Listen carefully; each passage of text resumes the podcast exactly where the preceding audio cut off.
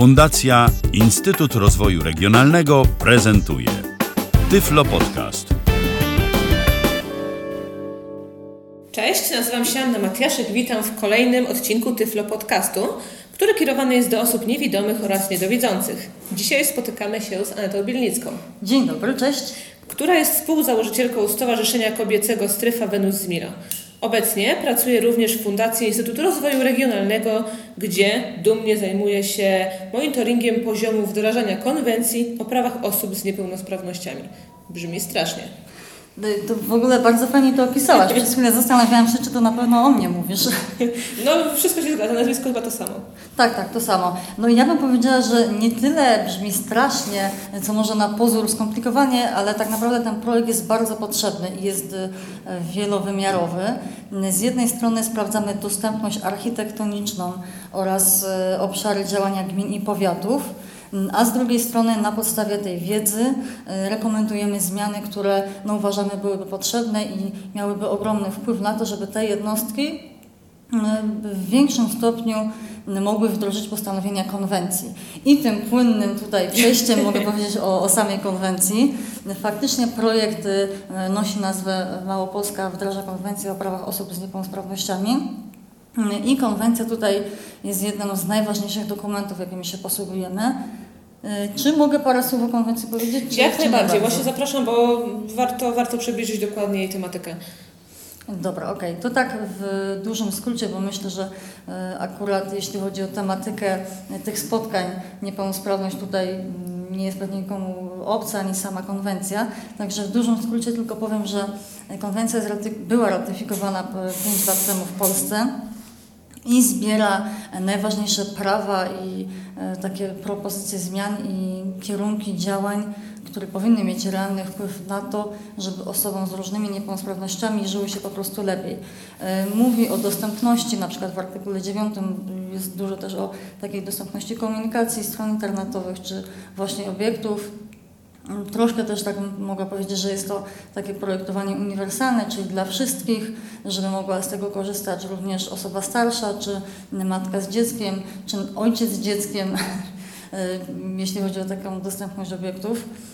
Na pewno projekt y, też pomaga poprzez e, takie podnoszenie samowiedzy przez jednostki, które w nim uczestniczą, bo jeśli już wiemy, co jest, e, co działa dobrze, e, a co ewentualnie należy poprawić, no to to jest już duży krok do przodu i czy gmina, czy starostwo powiatowe ma szansę na to, żeby w najbliższej lub troszkę dalszej przyszłości zaplanować takie działania, czy zabezpieczyć środki w budżecie na to, żeby mm, na przykład poprawić dostępność jakichś obiektów, czy mm, wysłać pracowników na kurs języka, języka migowego e, albo jakieś inne usprawnienia mm, wdrożyć w swoich jednostkach. Ale już nie jeden monitoring przeprowadziłaś i zastanawiam się, jakie są Twoje wnioski. No, wniosków jest bardzo dużo, tak naprawdę e, trudno się pokusić o taką jedną ogólną ocenę. No taką najważniejszą. E, Najważniejszą, no jest lepiej, to może zacznę od, może zacznę od takiego pozytywnego wniosku. Faktycznie, jeśli obserwując czy środowisko wokół sprzed 5-10 lat, to mogę powiedzieć, że e, dzieje się no, mniej, to zależy od, od e, gminy, szybciej lub wolniej, ale te zmiany zachodzą. Coraz częściej e, te różne obiekty są dostosowane do potrzeb osób z niepełnosprawnością ruchu, ale też to jest mocna i słaba strona. E, Słaba dlatego, że to jest takie trochę stereotypowe postrzeganie niepełnosprawności. Faktycznie jak idziemy gdzieś i, i rozmawiamy o konwencji, o, o takich e, usprawnieniach dla osób z niepełnosprawnościami, to zazwyczaj mówi się o, o właśnie o podjazdach, windach i tyle. Y, Bardzo rzadko mamy do czynienia z jakimiś takimi usprawnieniami dotyczącymi języka migowego, y, czy jakieś teksty łatwe do, do czytania, mm, czy inne związane z, z różnymi rodzajami niepełnosprawności. Jest to właśnie tylko nakierowane na taką dostępność architektoniczną. Mm, Myślę, że też lepiej dzieje się na stronach internetowych. Y, Badania, które też przeprowadzamy w, w, w współpracy z Utilityą, y, pokazują, że no te, w szczególności z Biuletynu Informacji Publicznej, te strony wyglądają y, lepiej. Te pozostałe są no w różnej kondycji, ale w większości są dostępne z utrudnieniami. Także nie jest tak, że są całkowicie w ogóle niedostępne, ale faktycznie potrzeba tam zmian, ale nie jest tragicznie. Także to, to też w ogóle, że są te strony internetowe i są tam informacje, Mm, jest taka baza usług, to uważam, że to już jest duży sukces, bo jak sama ja pamiętam sprzed powiedzmy 5-10 lat, e, to nie było takiego miejsca, które skupiałoby w jednym miejscu informacje na temat oferty, e, pomocy i, i tego, kto ktoś, kto posiada orzeczenie mógłby skorzystać. Także tutaj powoli się to zmienia i też my rekomendujemy takie zmiany, które wydawałyby się właśnie małe, no ale wierzymy też, że suma małych rzeczy daje duży efekt, dlatego z jednej strony e, koncentrujemy się wiadomo na, na, tych, na tych e, udogodnieniach i rekomendacjach architektonicznych, a z drugiej strony badając na przykład obszary związane z um, oświatą, czy takie obszary związane z dowodami osobistymi i jakimiś e, tego typu rzeczami, to skupiamy się na tym, żeby ta taka dostępność proceduralna e, była jeszcze bardziej e, powszechna, żeby te procedury były dostosowane do potrzeb osób z różnymi rodzajami niepełnosprawności, a żeby były dostępne, to, to co, co ja zauważam, to taką potrzebę szkolenia e, na różnym poziomie mm, szczebla, czyli szczeble niższe i wyższe kierowania tak teraz się zaplątałam, że, że muszę to Ci wyprostować. E, generalnie chodzi mi o to, że potrzeba jest takich szkoleń dla osób, które pracują w urzędach, e, czy to kierują tym urzędem, czy zajmują takie stanowiska niższego szczebla. To jest potrzebne, bo często też osoby nie wiedzą dokładnie, jak mają pomóc. I, to też opiera się o takich zasadach savoir-vivre y, osób z niepełnosprawnościami, ale też takimi mm, udogodnieniami konkretnymi, jak jakaś ramka do, y, do podpisu czy, czy lupa. To są takie małe rzeczy, które faktycznie w codziennym funkcjonowaniu czy w codziennym załatwianiu spraw mogłyby bardzo pomóc. Tak, troszeczkę zmieniając temat, spotkałyśmy, rozgadałaś się, a spotkałyśmy się tutaj przede wszystkim, żeby porozmawiać o kobietach z niepełnosprawnościami. Czy istnieje w ogóle ruch kobiet z niepełnosprawnościami? Bo i przyznam, że ja osobiście o nim nie słyszałam, ale mimo wszystko coraz więcej o tych kobietach mówi się wokół. E, no tak, tak. Też odnoszę takie wrażenie, że coraz częściej o tym słyszę, ale o samym ruchu kobiet y, z niepełnosprawnościami też osobiście nie słyszałam. Być może on gdzieś się kiełkuje i jest, ale to są dopiero takie początki. Mm, myślę, że to jest mocno związane y, z takim mm, samym zrzeszaniem się kobiet, bo z jednej strony, y, gdzie, te, gdzie ten ruch miałby powstać, to trzeba by się nad tym zastanawiać, gdzie tego konkretnie szukać. Czy trudno jest w ogóle mówić o ruchu samych osób z niepełnosprawnościami, bo to, ta grupa jest bardzo zróżnicowana. Mm, myślę, że jest tam więcej różnic między ludźmi z niepełnosprawnościami niż między ludźmi, ludźmi w ogóle, więc trudno tutaj uogólniać.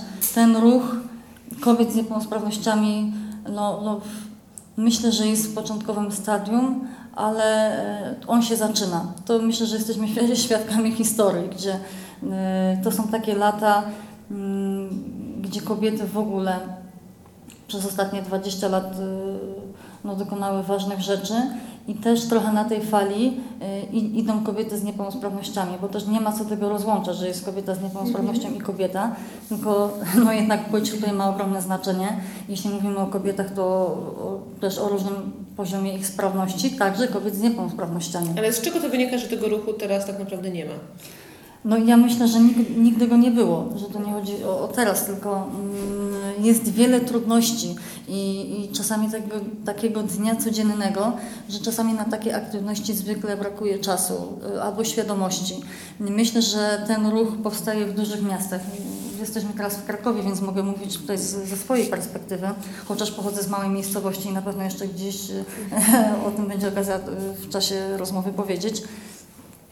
I na przykładzie właśnie Stowarzyszenia Strefy Milo, e, którą z dwoma też e, koleżankami, które od razu mogę powiedzieć, pozdrowić, e, Agnieszka Czulek i Katarzyna Żeglicka, z tymi właśnie dwoma osobami założyliśmy to stowarzyszenie, to jest taki pierwszy krok do tego, żeby stworzyć taką przestrzeń bezpieczną dla kobiet, które mogą spokojnie się rozwijać. No i później mm, mamy też takie cele, żeby coraz więcej i coraz szerzej przeciwdziałać tej dyskryminacji ze względu na płeć, niepełnosprawność i inne przesłanki. No ale też to, o czym chcę powiedzieć, to nie było łatwo zrzeszyć. Na początku to było prawie 30 e, kobiet, teraz jest troszkę mniej i, i mamy też jednego pana w, w naszym stowarzyszeniu. Mm, także nie było to łatwe, dlatego że kobiety z niepełnosprawnościami i myślę, że w ogóle osoby niepełnosprawne mają dużo takich barier wokół siebie, które przeszkadzają im do tego, żeby mm, w pełni uczestniczyć w takim życiu społecznym, czy e, walczyć nawet o swoje prawa, czy w ogóle regularnie się spotykać. Dlatego, że jesteśmy, mm, może powiem nawet trochę inaczej, środowisko, w którym żyjemy, przestrzeń, która nas otacza, jest dostosowana do osób sprawnych. Więc jeśli z jakiegoś powodu e, nie możesz używać e, swoich nóg, jeździsz na wózku albo po prostu inaczej e, się komunikujesz, to będzie to dla Ciebie problem, dlatego że no to środowisko, nasze miasta, miejscowości mniejsze nie są dostosowane, a przynajmniej nie są w pełni, może tak, nie są w pełni dostosowane do, do takich no, potrzeb. Chociaż to też się zmienia na przykładzie muzeów czy mm. tego typu obiektów. Są już takie oferty, to a propos też y, mogę powiedzieć tego projektu Małgorzata wdraża konwencję. Y, też chodzimy y, po różnych muzeach i tam widzimy, że już są takie udogodnienia, czy trasy właśnie dla osób z niepełnosprawnością intelektualną i, i, i przewodnicy, którzy zostali przeszkoleni w tym temacie, czy takie trasy wypukłe z jakimiś też udogodnieniami dla osób z niepełnosprawnością wzroku, więc to się powolutku dzieje, ale taka codzienność jednak nie jest już taka różowa i myślę, że jest dużo takich barier w przestrzeni, ale też w nas samych, czyli w, osobach, które też posiadają mm, jakieś doświadczenie niepełnosprawności, czy, czy po prostu chorują przewlekle, e, do tego, żeby wyjść i się jednoczyć i solidaryzować i, i tworzyć ten ruch. Do ruchu potrzeba ludzi, a żeby faktycznie osoby miały na to czas, przestrzeń i zapewnione inne warunki, to musimy jeszcze na to parę lat poczekać, chociaż to się faktycznie już dzieje, przynajmniej to widzę tutaj na, w Krakowie. Ale żeby powstał ruch kobiet z niepełnosprawnościami, musi być on spowodowany jakimiś utrudnieniami, jakimiś problemami, które te kobiety mają. Jaka mhm. jest obecnie ich sytuacja? E, to, to, pewnie Cię nie zaskoczę, jak powiem, że trudno mi będzie odpowiedzieć na, na tak, tak, ogólnie, bo e, kobiety są różne, ale myślę, że mm, te trudności są jak najbardziej i wynikają one Teraz się zaplątałam, więc muszę, muszę pomyśleć. Bo każdy z nas sobie zdaje sprawę z tego, że te problemy są, że one występują, tylko warto powiedzieć po prostu jasno, co to są za problemy, żeby one też moim zdaniem były bardziej widoczne. Bo wiadomo, że to, co mówimy głośno, automatycznie jest bardziej, bardziej dostrzegalny, bardziej skłaniający do przemyśleń. No myślę, że to ma też źródło e, w, w takim, mm, w trochę w rolach społecznych. O, może tak od tego zacznę. Dlatego, że e, no, kobieta e, jest osadzona w roli matki, tak zwanej matki Polki. I to na pewno z jednej strony będzie utrudniało, czy, czy powrót na rynek pracy po jakiejś długotrwałej nieobecności, e, w szczególności jeśli chodzi o takie okresy macierzyńskie i, i ciąże. E, więc to na pewno będzie problem ten z rynku pracy, o którym chcę powiedzieć. Więc tutaj e, często w ogóle, jeśli chodzi o kobiety w ogóle i, i też kobiety z niepełnosprawnościami, to zajmujemy takie bardziej społeczne stanowiska, czy takie mm, dobrym przykładem będzie tu opieka, opieka medyczna, czy mhm. supermarkety to jest taki mocno e, e, kobiecy, e, mm, no nie chcę tutaj użyć słowa świat, ale kobiece, mm, no często, najczęściej tam kobiety mogą znaleźć pracę, więc, więc na pewno ten rynek pracy, a jeśli chodzi o takie inne kryteria, które dyskryminują, no to no sama płeć, tak? Mm, czyli tutaj to uwarunkowanie, to, to jak powinniśmy wyglądać, y, też takie poczucie własnej wartości z tym związane, bo mm, no nie wierzę w to, że, że każda kobieta, mm, która posiada jakąś niepełnosprawność, z dnia na dzień będzie y, pewna siebie i będzie zdobywała szczyty y, swoich marzeń i celów. to ma mocno taki związek z poczuciem własnej wartości, które niestety mm, myślę, że jest taki odsetek ludzi i, i, i to faktycznie jest widoczne, że często też e, szukamy takiego potwierdzenia w środowisku i w innych, że nadajemy się, że jesteśmy dobre, e, że będziemy dobrze wykonywać te role społeczne. Więc tutaj no, jest taka duża też praca samych, e, samych ludzi, samych kobiet, bo też tutaj rozmowa głównie mm, jest nakierowana na kobiety, na to, żeby mm, no, też jakoś radziły sobie z tą akceptacją i no, przy okazji tej niepełnosprawności z niepełnosprawnością. Ale cały czas mówi się o tym, że um, ogólnie mężczyźni mają większe poczucie własnej wartości, poczucie tego, że mogą, niż kobiety. Czy w przypadku posiadania niepełnosprawności też sytuacja wygląda podobnie. Czy sytuacja kobiet różni się od sytuacji mężczyzn w tym przypadku? Na pewno się bardzo różni i tak może wyjdę od takiego ogólnego założenia. Yy, myślę, że mężczyźni w ogóle mają takie większe poczucie sprawczości, ale to też widać yy, wszędzie. To widać na ulicy, yy, możesz to zauważyć w domu czy w mediach. A jednak kobiety, mam wrażenie, akurat w aktualnych takich wiadomościach i tej, tej sytuacji, która jest obecnie w Polsce, to kobietom nawet w tym momencie odbiera się prawo decydowania o własnym ciele. Tak więc tutaj, gdzie, gdzie jest ta sprawczość na czym mamy budować poczucie własnej wartości? A jeszcze jak posiadasz jakąś niepełnosprawność, która często powoduje, że masz zwyczajny problem z wyjściem z domu, dlatego że albo po prostu nie wyjedziesz z tego bloku, albo przyjedzie autobus, do którego nie możesz wsiąść i tak dalej, i tak dalej, e, no to zamykamy się w czterech ścianach i jest trudno później budować i, i zaczynać tak naprawdę wszystko od zera. Potrzebne jest takie wsparcie. Jeszcze tylko mi przypomnij drugą część tego pytania. Dlaczego ta sytuacja mężczyzn różni się tak znacznie od sytuacji kobiet? Z czego to wynika? No, przez te role społeczne też, o których wspominałam wcześniej. Mm, jak jeszcze przed, przed tym wywiadem rozmawiałyśmy o, o sklepie i opowiadałam Ci taką historię. E, to taki sklep z ubraniami mm, dla dzieci w wieku około 10 lat. I I taka śmieszna sytuacja, bo jeśli chodzi o taki asortyment dla chłopców, to na koszulkach będzie, y, będą widniały napisy e, możesz być kim chcesz, dasz radę, e, super bohater. E, no a dla dziewczynek będą to jakieś tam lukrowane waty cukrowe, jednorożce, jednorożce i, i jakieś różowe kolory, więc tutaj już od najmłodszych lat widać to różnicowanie. Może nawet zamiast, może zamiast tego różnicowania i dyskryminacji możemy pomówić w ogóle o grupach uprzywilejowanych, bo to jest, ja uważam, mocno ze sobą związane. I po prostu ja widzę, e, przynajmniej takie ja mam doświadczenia, może ktoś ma inne, że mężczyźni są grupą uprzywilejowaną i, i stąd też wynikają te różnice. I też na rynku pracy y, ale też i, i, w życiu w ogóle, bo kobieta, jeszcze tak tylko wrócę, y, jak wraca z pracy, to na jej głowie jest ogarnięcie domu, y, dzieci, zakupy, sprzątanie, gotowanie, prasowanie. I jeszcze mężczyzna do tego. I jeszcze mężczyzna do tego, mhm. więc to, to przepracowuje się w imię wyższego dobra. Przepracowuje się, ale w zasadzie kto określa to dobro, tak? Przepracowuje się, bo nie chce, żeby jej rodzina, znajomi, e, społeczeństwo, ktokolwiek powiedział, że jest złą matką, złą żoną i nie wypełnia dobrze swoich ról. Oczywiście, że w życiu codziennie nie będzie tak tego określać, że a dzisiaj dobrze wykonałam swoją rolę życiową. No jasne, że nie, o tym się na co dzień nie myśli, ale e, tak to wygląda, że po prostu kobiety mają więcej na głowie, tak? Gdybyś miała określić taki największy problem, który jest... Y który, z którym najczęściej borykają się kobiety z niepełnosprawnościami, tak najbardziej określający, że te problemy faktycznie istnieją, to co to jest? No, powiem tak, jeśli chodzi, może powiem taki nieoczywisty, ale bardzo taki konkretny i on będzie dotyczył kobiet, to jest taki problem z opieką medyczną i też na przykład z wizytami u ginekologa.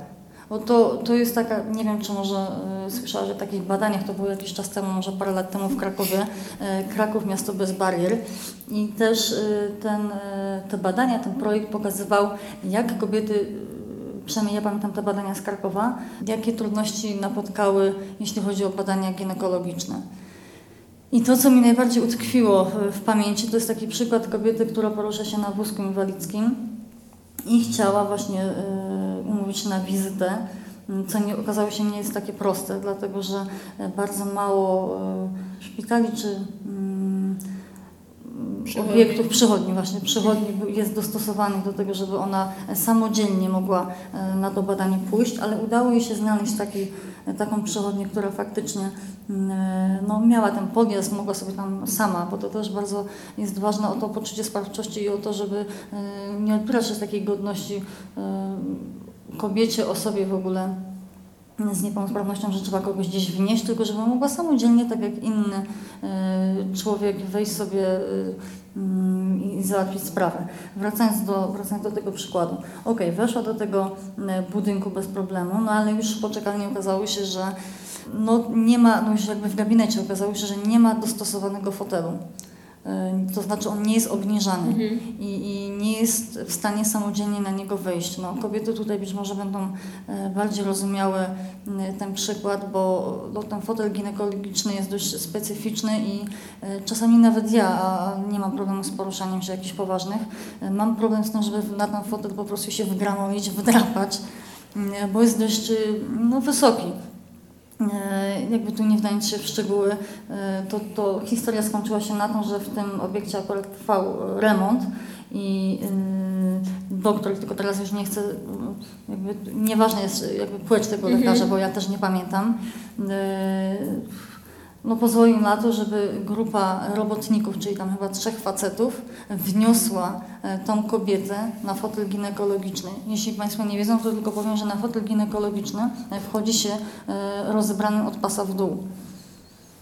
Tym bardziej, jeśli ma, ma się jakiś niedowład kończyn, trudno jest w, w, w dużym rozkroku zdjąć sobie garderobę e, czy bieliznę. Więc wiadomo było, że no to jest w ogóle sytuacja, która nie powinna mieć miejsca. Też tutaj Pani nikt nie uprzedził, że e, fotel nie jest e, obniżany. Mm, No i została postawiona przed faktem dokonanym, tak?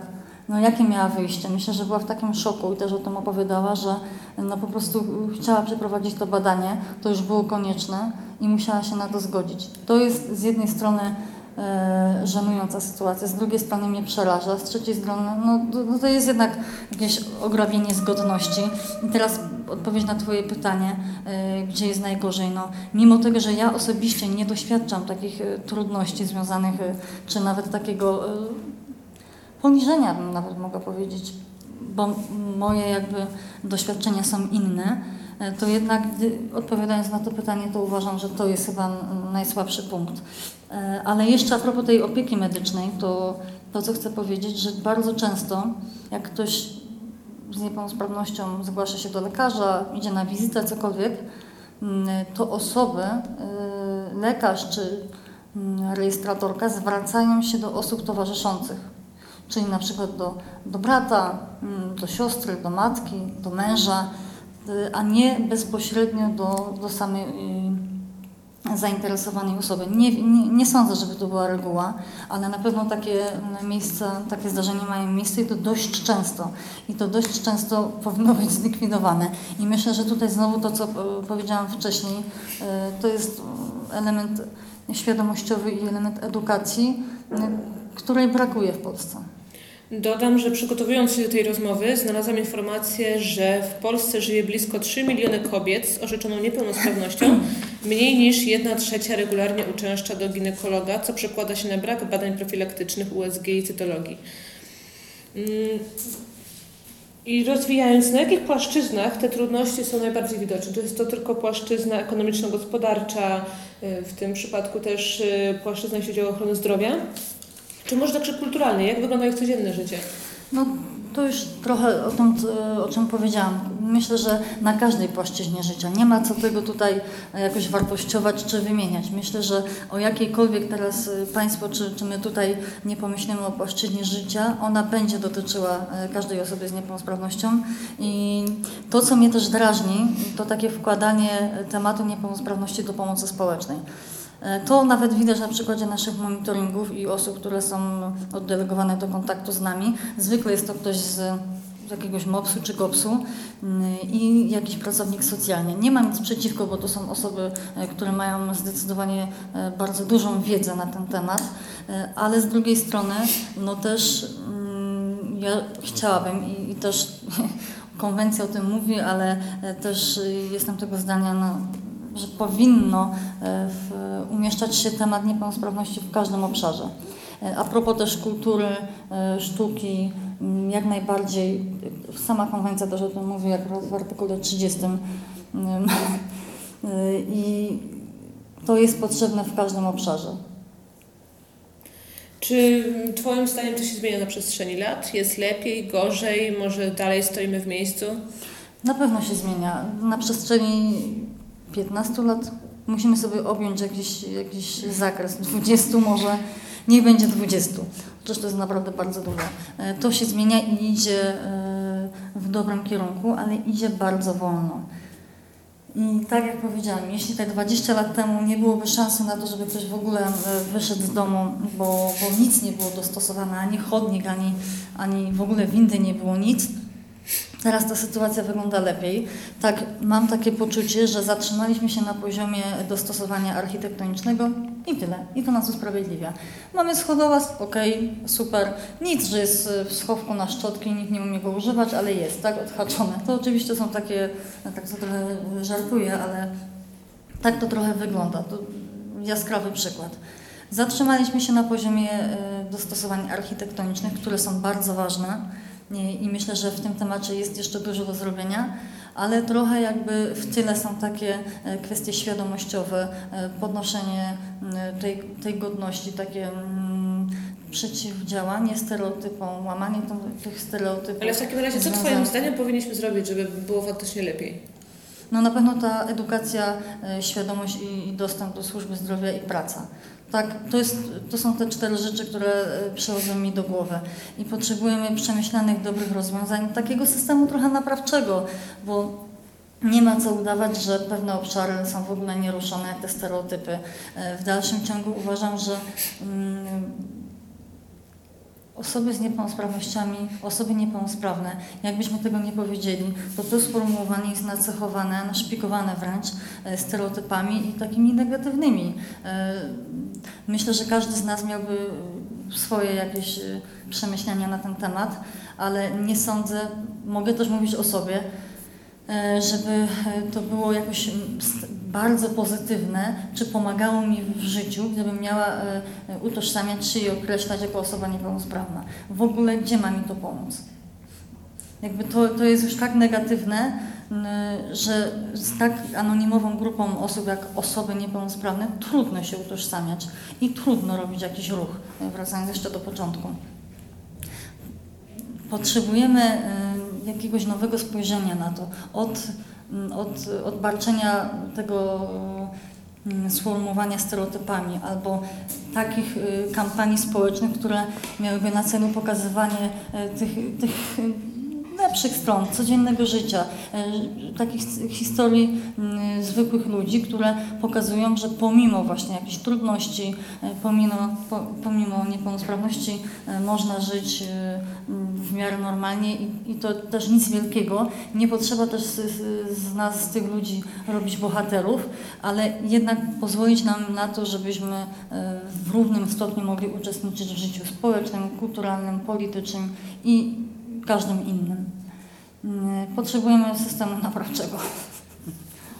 Myślę, że to jest idealny w ogóle, to co powiedziałaś jest idealne na to, żebyśmy też to rozwinęły w innych rozmowach, przechodząc na przykład na stereotypy, mhm. jeśli chodzi o niepełnosprawność. Na dzień dzisiejszy bardzo dziękuję za rozmowę i mam nadzieję, że do zobaczenia i do usłyszenia wkrótce. To tyle, tak? No to dziękuję bardzo. Dziękuję bardzo.